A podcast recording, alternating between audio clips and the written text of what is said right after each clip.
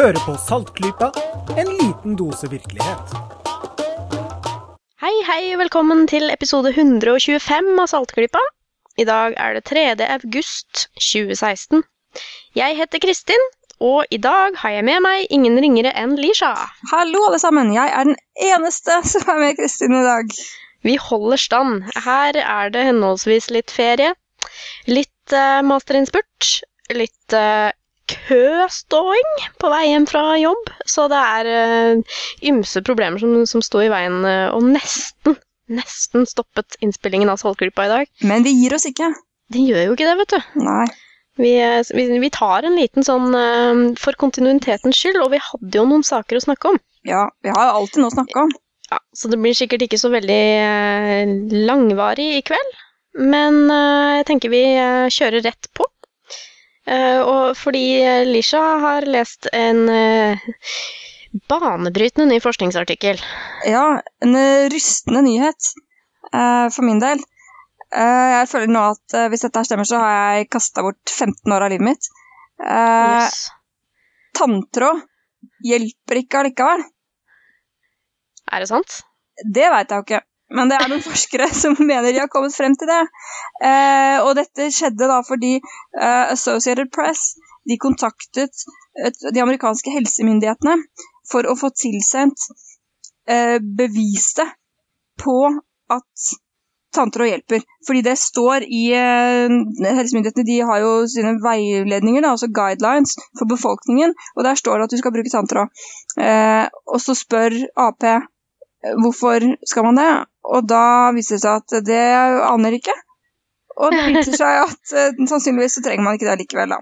Så det var jo litt sjokkerende, men uh, for å finne ut av dette her, da, så har man uh, Når de så litt nærmere på det som fantes av forskning, så var ja, skal vi se, i EBD, da, Evidence Based Dentistry, hos hos nature.com, så står overskriften her at weak, unreliable evidence suggests flossing plus toothbrushing may be associated with a small reduction in flock».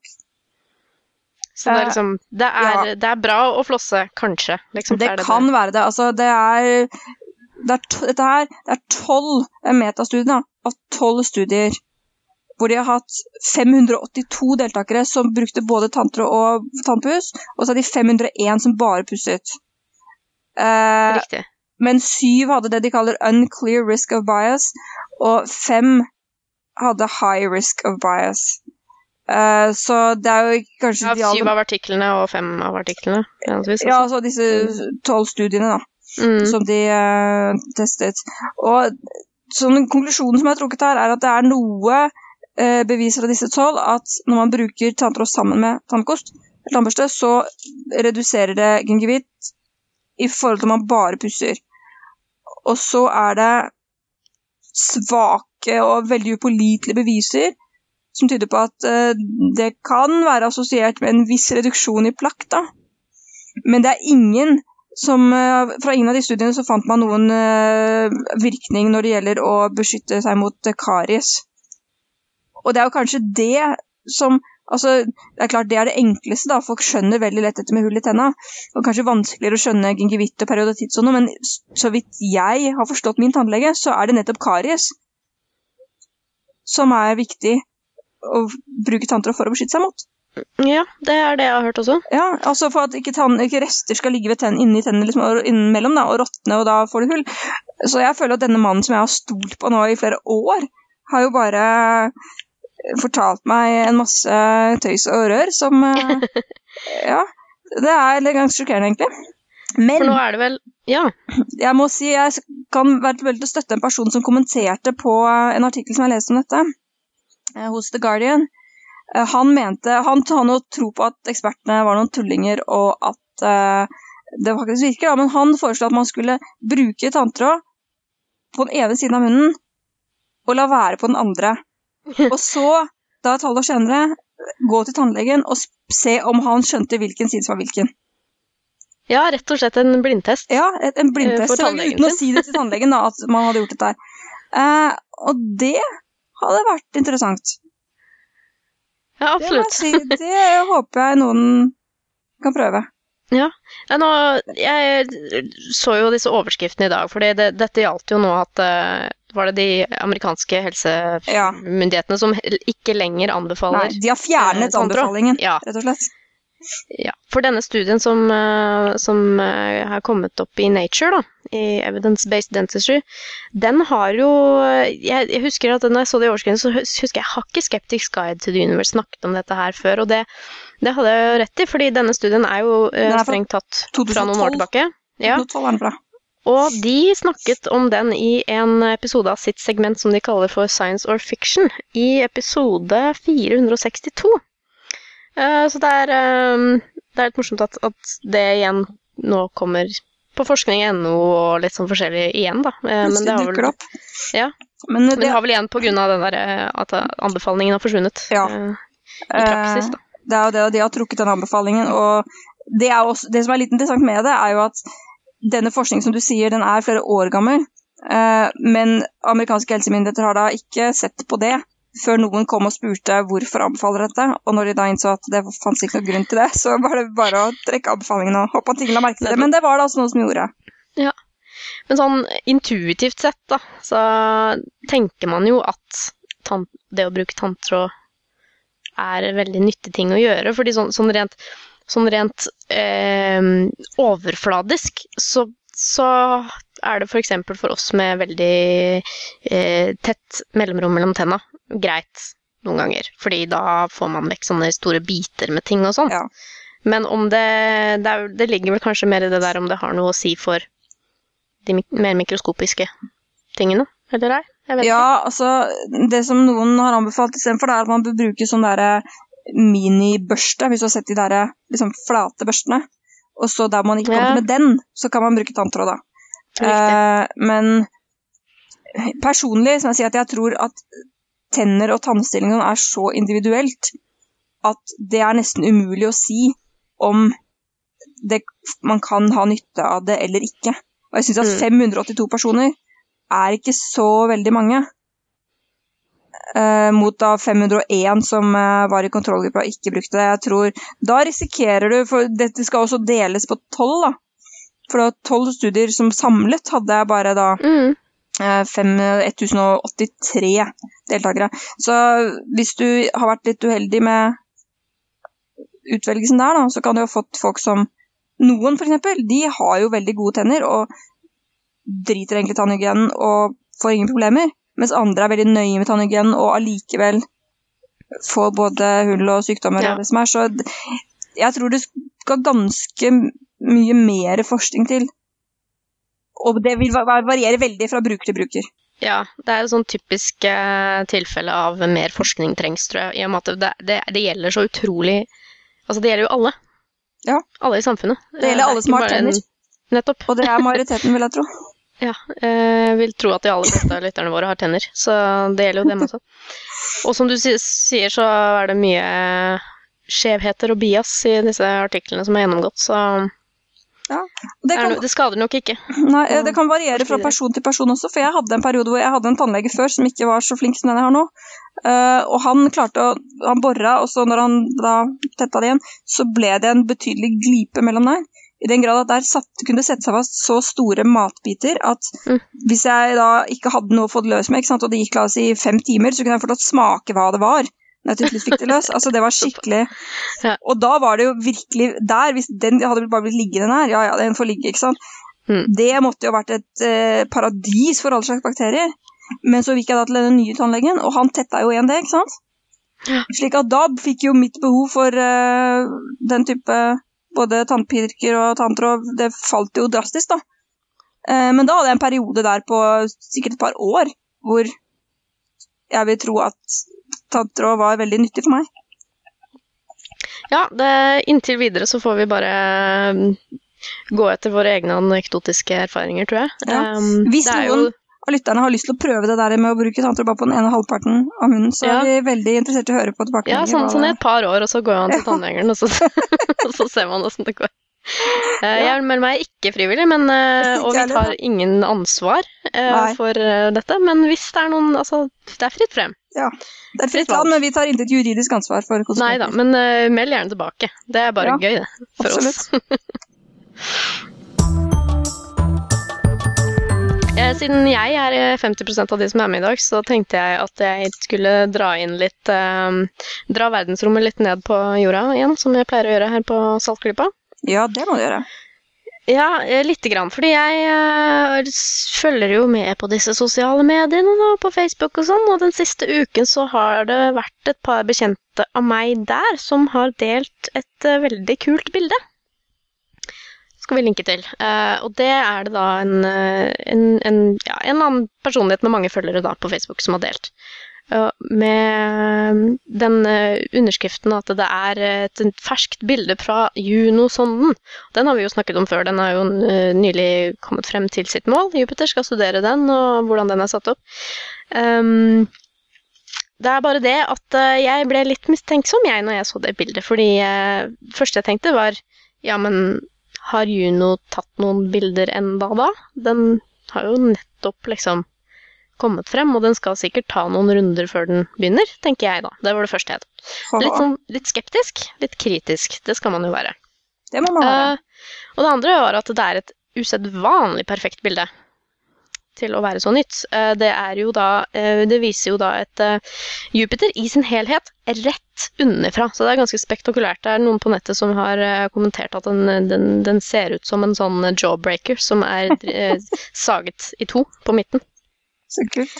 Så det er et ganske kult bilde. Veldig spektakulært. Um, problemet er da at den som har delt bildet med underskriften 'Dette er et ferskt bilde fra Juno', eh, har sannsynligvis da ikke puttet dette bildet inn i Googles fantastiske eh, reverse bildesøk. Men det har du gjort. Det gjorde jeg, vet du. Det tar ikke så kjempelang tid. Eh, Jeg, jeg er fan av eh, sånn kritisk tenkning som tar veldig kort tid å finne ut av. Der, der, der, eh, der er jeg god, på en måte, da. Sånn, så kan andre lese sånne ti vitenskapelige artikler, og så kan jeg liksom ta Google reverse image search. Der er jeg god. Og det som kom opp da, var eh, veldig god info eh, fra NASA om eh, dette bildet, som da ble tatt for eh, 16 år siden. Ja. Så det er jo ikke nytt, da. Og Nei, da kan det ikke si. siden, siden, Juno, siden det er fem år siden Juno ble skutt opp, så kan det ikke bli tatt av den heller. Det er nemlig tatt av Cassini-sonden i 2000. År 2000. Eh, og det er ikke et bilde, altså den har ikke stilt seg opp under Jupiter og liksom klikk, og så har den sendt bildet til jorda. Det er jo da et uh, kart, på en måte, da, som er sammensatt av masse, masse forskjellige bilder Ja, okay. som danner dette her. Det er veldig ofte sånne svæ- svære bilder av uh, hele ting ute i verdensrommet blir tatt. Det er sammensatt av flere små ting. Eh, så jeg kan jo nevne litt på hvordan status på Juno er. Ja. Den har jo som sagt nylig kommet eh, inn i bane rundt Jupiter. Eh, men altså ikke begynt å ta nærbilder ennå. Når dette spilles inn, så er den på vei eh, Jeg sjekker Twitter-kontoen dens. Altså, sånne ting kan man gjøre. ikke sant?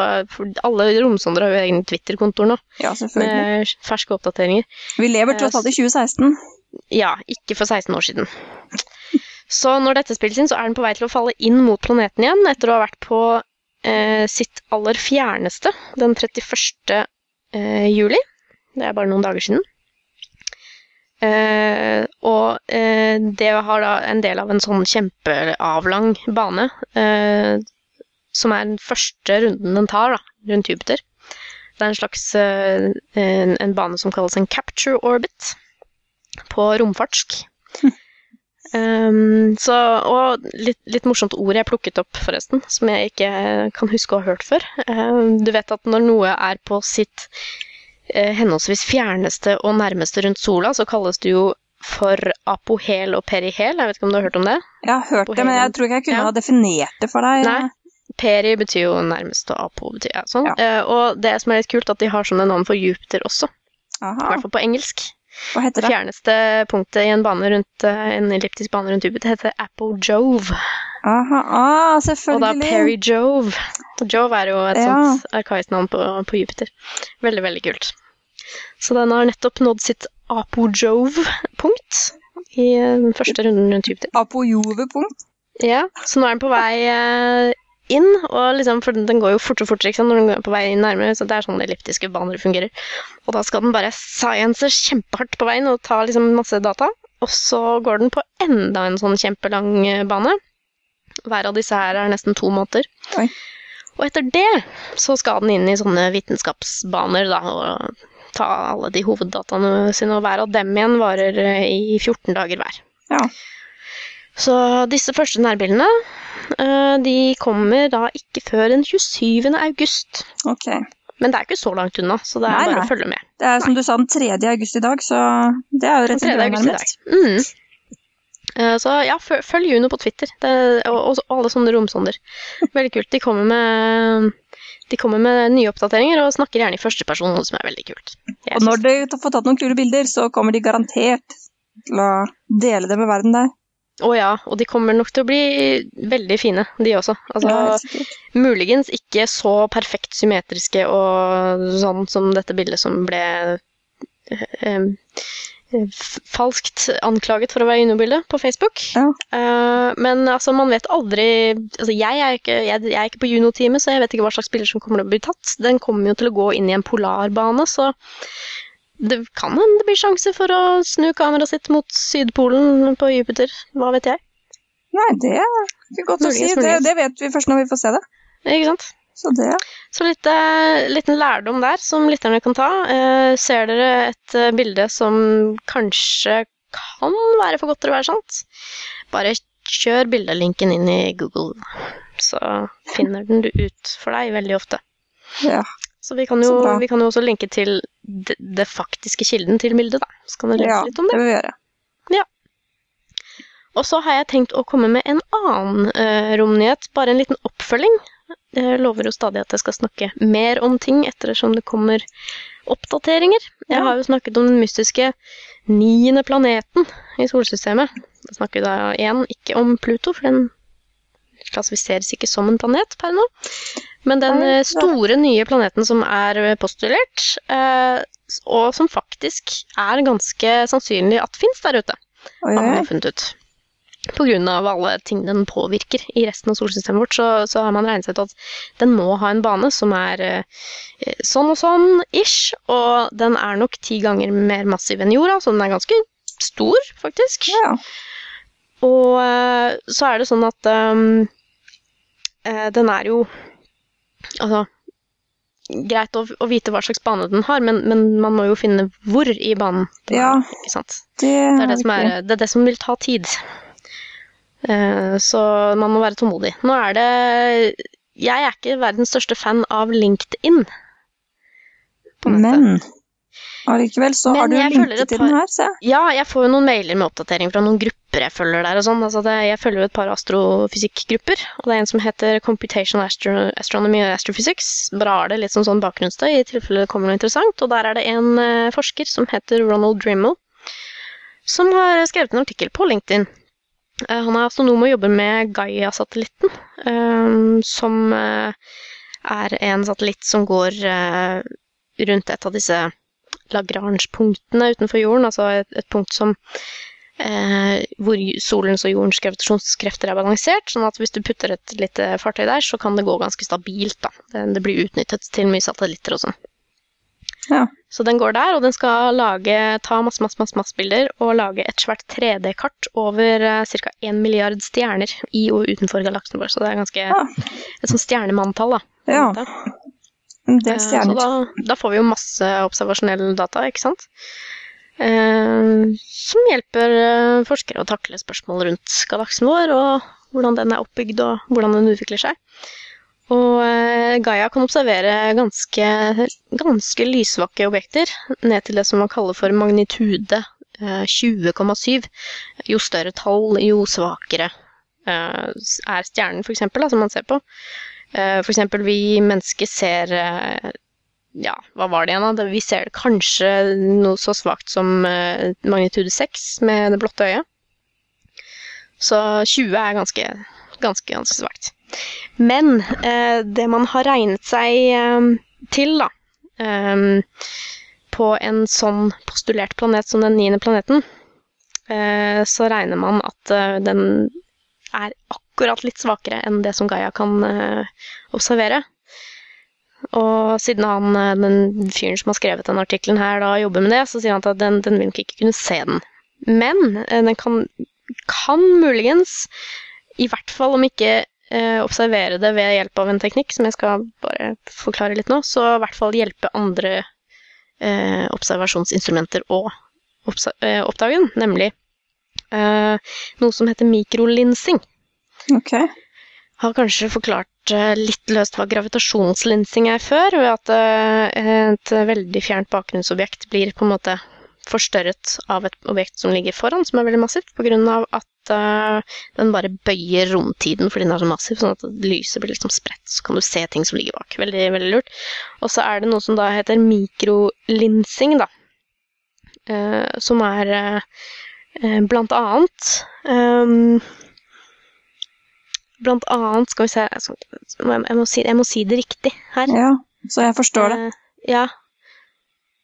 Så den, altså den, den detekterer ganske altså små, sånne veldig um, krusninger da, i, i, i romtiden bak et sånt objekt som uh, man egentlig ikke kan se med, eller observere fysisk, Uh, men, uh, men sannsynligvis da så vil en sånn planet i solsystemet vårt kruse bitte lite grann på bakgrunnsstjernene. Og så har de da øh, forsket litt, da, regna litt på det. Kunne Gaia muligens observere den her ved hjelp av mikrolinsing? Uh, tja, er konklusjonen. Det er litt sånn mm, Kanskje muligens ikke, men eh, den vil muligens hjelpe til, fordi eh, altså, problemet da, er at den, eh, den krusningen som eh, eventuell mikrolensing fra den planeten vil eh, forårsake, eh, den er såpass liten at eh, altså de kommer med en sånn allegori her, da, de kommer med en sånn sammenligning. Ehm, så for, hvis vi ser på forflytningen av en bakgrunnsstjerne av den planeten, som linser, og hvis vi sier at den er ti ganger jordens masse og ligger ca. 700 astronomiske enheter unna, så vil den krusningen være på 3 milli, milliarksekunder.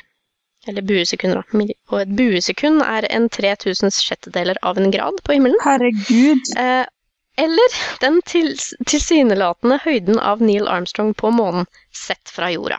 Så det er ikke så lett, dette Nei. her. Eh, men jeg tenkte jeg skulle nevne denne artikkelen her som jeg Både pga. at jeg tilfeldigvis fant den på LinkedIn, så jeg, jeg finner nyttige ting på LinkedIn som er ganske kult. Eh, og for det andre så For å liksom vise at, vise at denne, denne niende planeten er faktisk noe som blir aktivt forska på nå. Det er ikke bare en sånn mystisk ting som lever på internett. Nei, det er faktisk eh, reell, seriøs forskning som gjøres. Ja, jeg syns det er dødsgøy. Jeg håper at jeg får eh, høre om denne planeten i løpet av min levetid. Altså. Ja. kult. Veldig kult. Men ja, Ja, det var en liten oppfølging på Planet, Planet 9 from Outer Space. Ja. uh, så skal vi, bare, skal vi bare hoppe til anbefalingene først som sist, siden vi er så få i dag? Så raser vi bare gjennom. Ja. Kan vi ikke bare hoppe over astrotingene litt, så, så kan du anbefale en bok du har lest? Ja, jeg har jo lest en masse bøker. Jeg har alltid lest bøker. Masse bøker. Men nå har jeg lest en eh, nå tidligere i sommer som jeg syns var kjempebra. Ikke bare fordi det var et veldig interessant tema, men den var også veldig godt skrevet, og så var det en utrolig spennende bok. da. I oppbygningen så var det nesten som en thriller, selv om det var ganske tragisk, da, siden det virkelig har skjedd. Eh, den handler om eh, scientologikirken og deres Mhm. eh, helt utrolig forfølgelse av det som de en periode mente var deres verste kritiker. Eh, hun het Paulette Cooper. Og en journalist som har skrevet en del om både det ene og det andre, han heter Tony Ortega. Han skrev en bok, den kom i fjor, men jeg har ikke lest den før nå, som heter The Unbreakable Miss Lovely. Og Ja. Miss Lovely er da Paulette Cooper, og han kaller henne det ikke bare fordi hun Nå er hun jo godt voksen, da, men som ung så var hun veldig vakker, men også fordi denne operasjonen som uh, Scientologikirken satte i gang for å knuse henne, den het da Operation Lovely. Av en eller annen grunn. Sikkert Hmm. fordi hun var så pen.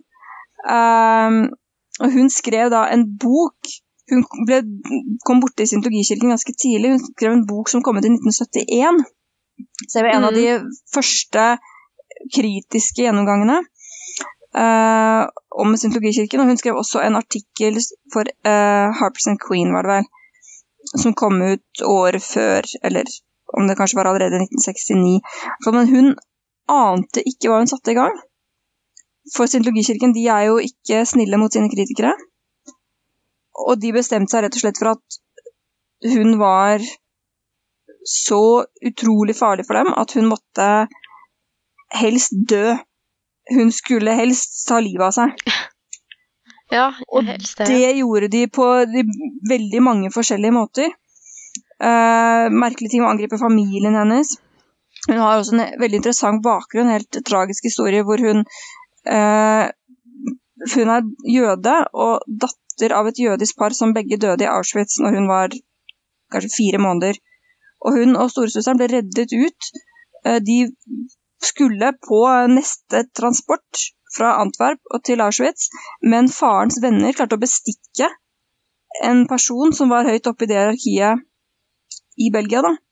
En nazist. Og de skaffet til veie en utrolig sum med penger, over 100 000 gylden. Altså i 1943 så var det jævlig mye penger. Ja. Eh, og de fikk reddet disse to små jentene ut fra det toget, og de overlevde. Men hun bodde da på et barnehjem i et antall år, og endte opp med som seks-sjuåring bli adoptert til USA, da. Eh, og hadde et veldig stort behov for at foreldrene skulle være stolte av henne. ikke sant? Hun skulle oppnå noe. Og foreldrene ble jo angrepet på ganske nedrig vis, men det verste var at de plantet De sendte bombetrusler til seg selv. Altså Scientologikirken skrev bombetrusler, sendte dem til seg selv, og fikk det til å se ut på helt utrolig finurlige måter, som om hun hadde sendt dem. Og hun ble stilt for retten Herregud. og ble tiltalt, og hun risikerte altså 15 år i fengsel for noe som hun ikke hadde noe med å gjøre. Og det gikk så langt som til at personer innyndet seg da, hos henne og ble gode venner. I den grad at en av dem faktisk bodde som leieboer, hybelboer hos henne, i flere måneder. Som hun trodde var en god venn. Hun åpnet hjertet sitt for ham. Og det viste seg å være rett og slett en uh, spion. Shit, Og han hadde jo da på det nærmeste prøvd å på en subtil måte overtale henne til å rett og slett hoppe ut fra taket på bygningen der de bodde. da. Faen. Eh, så, men hun bestemte seg rett og slett for at eh, Og hun var veldig nær på å ta sitt eget liv. Hun satt faktisk og hadde samlet på seg piller og skulle gjøre det, og da ringte tilfeldigvis en venn.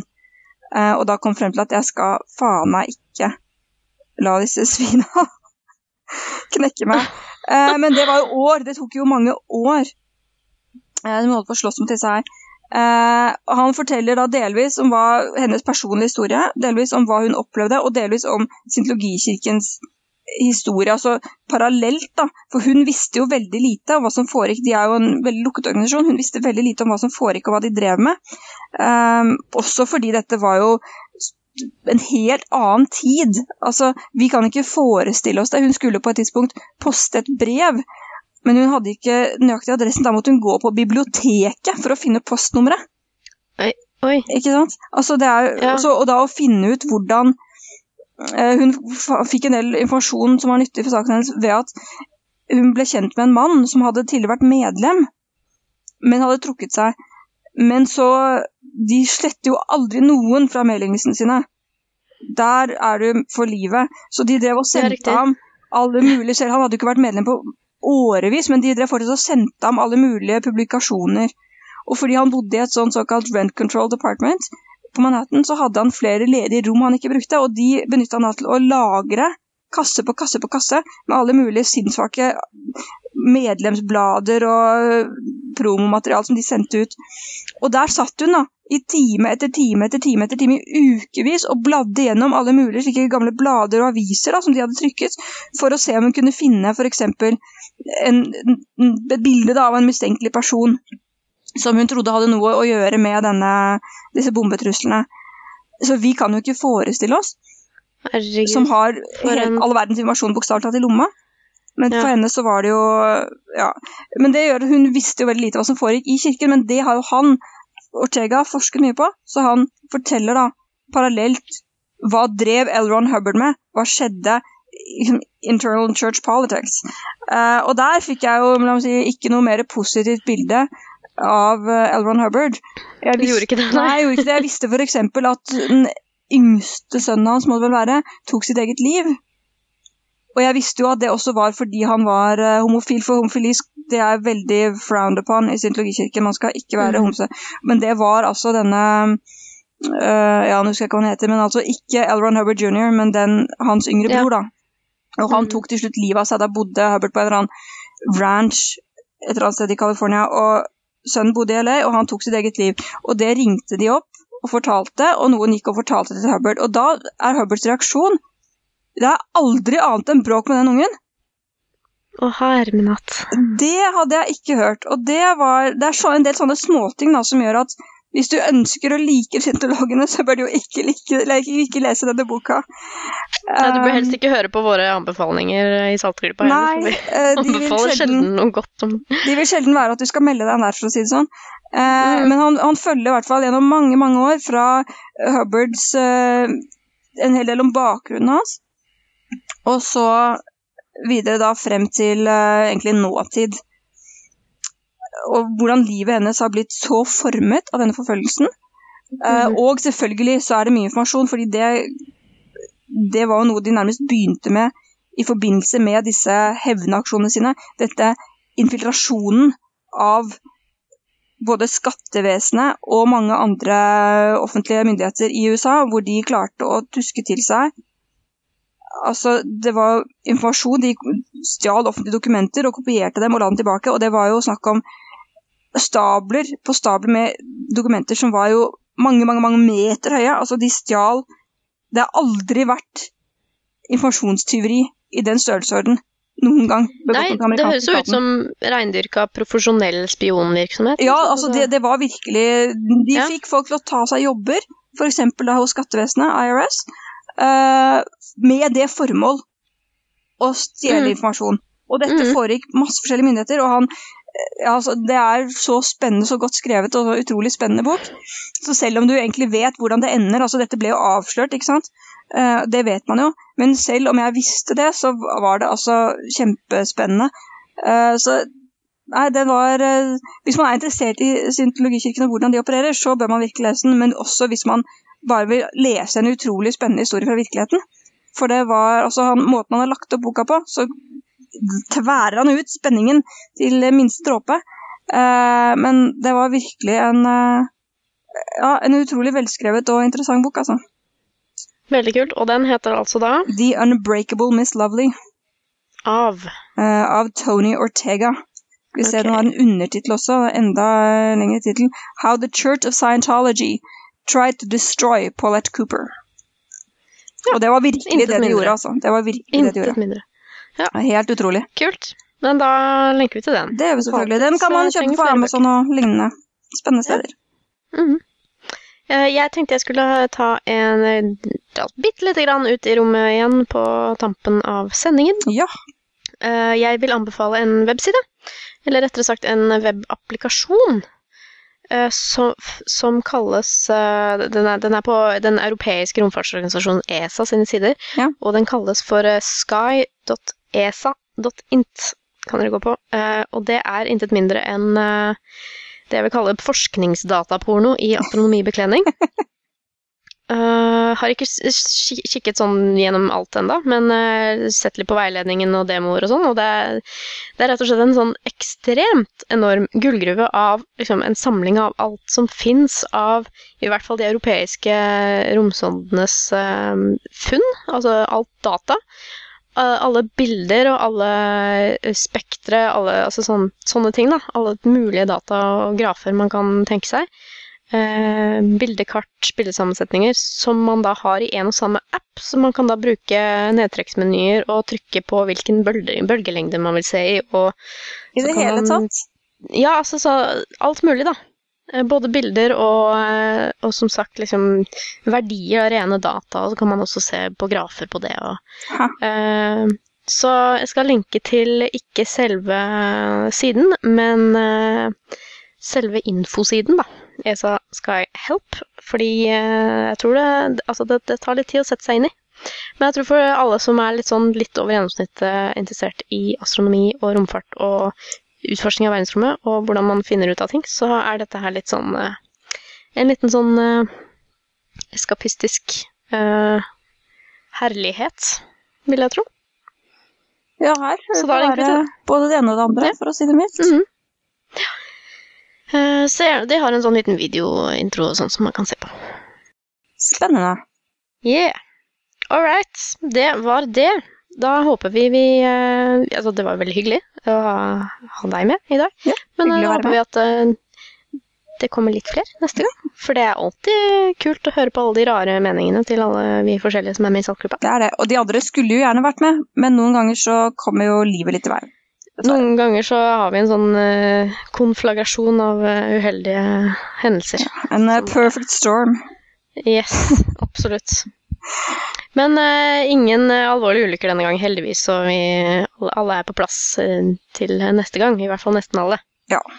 I hvert fall flere Det enn oss. fint. Ja. Selv om det ikke er noe galt med oss, men Nei, det er jo hyggelig med flere. Skal vi starte en liten sidepodkast, så kan vi anbefale bøker og romfartsting på heltid? Ja. Sånn blir det. Jo, vi minner om eh, også at vi legger jo ut eh, gamle episoder nå fra arkivet vårt, én etter én, i sånn eh, bedagelig tempo. Det må dere huske å høre på for de som enten savner dem eller ikke har hørt dem før. Spesielt de som ikke har hørt dem før. Ja. For noen ganger så blir vi litt nostalgiske, og så hører vi på disse gamle episodene, og så tar vi opp igjen kanskje noen temaer som vi har lyst til å følge opp litt. Og ellers til nye fremtidige episoder så er dere velkomne eh, som alltid til å sende oss tips og forslag og ris og ros. På mail, på Facebook, på Twitter. Alt mulig.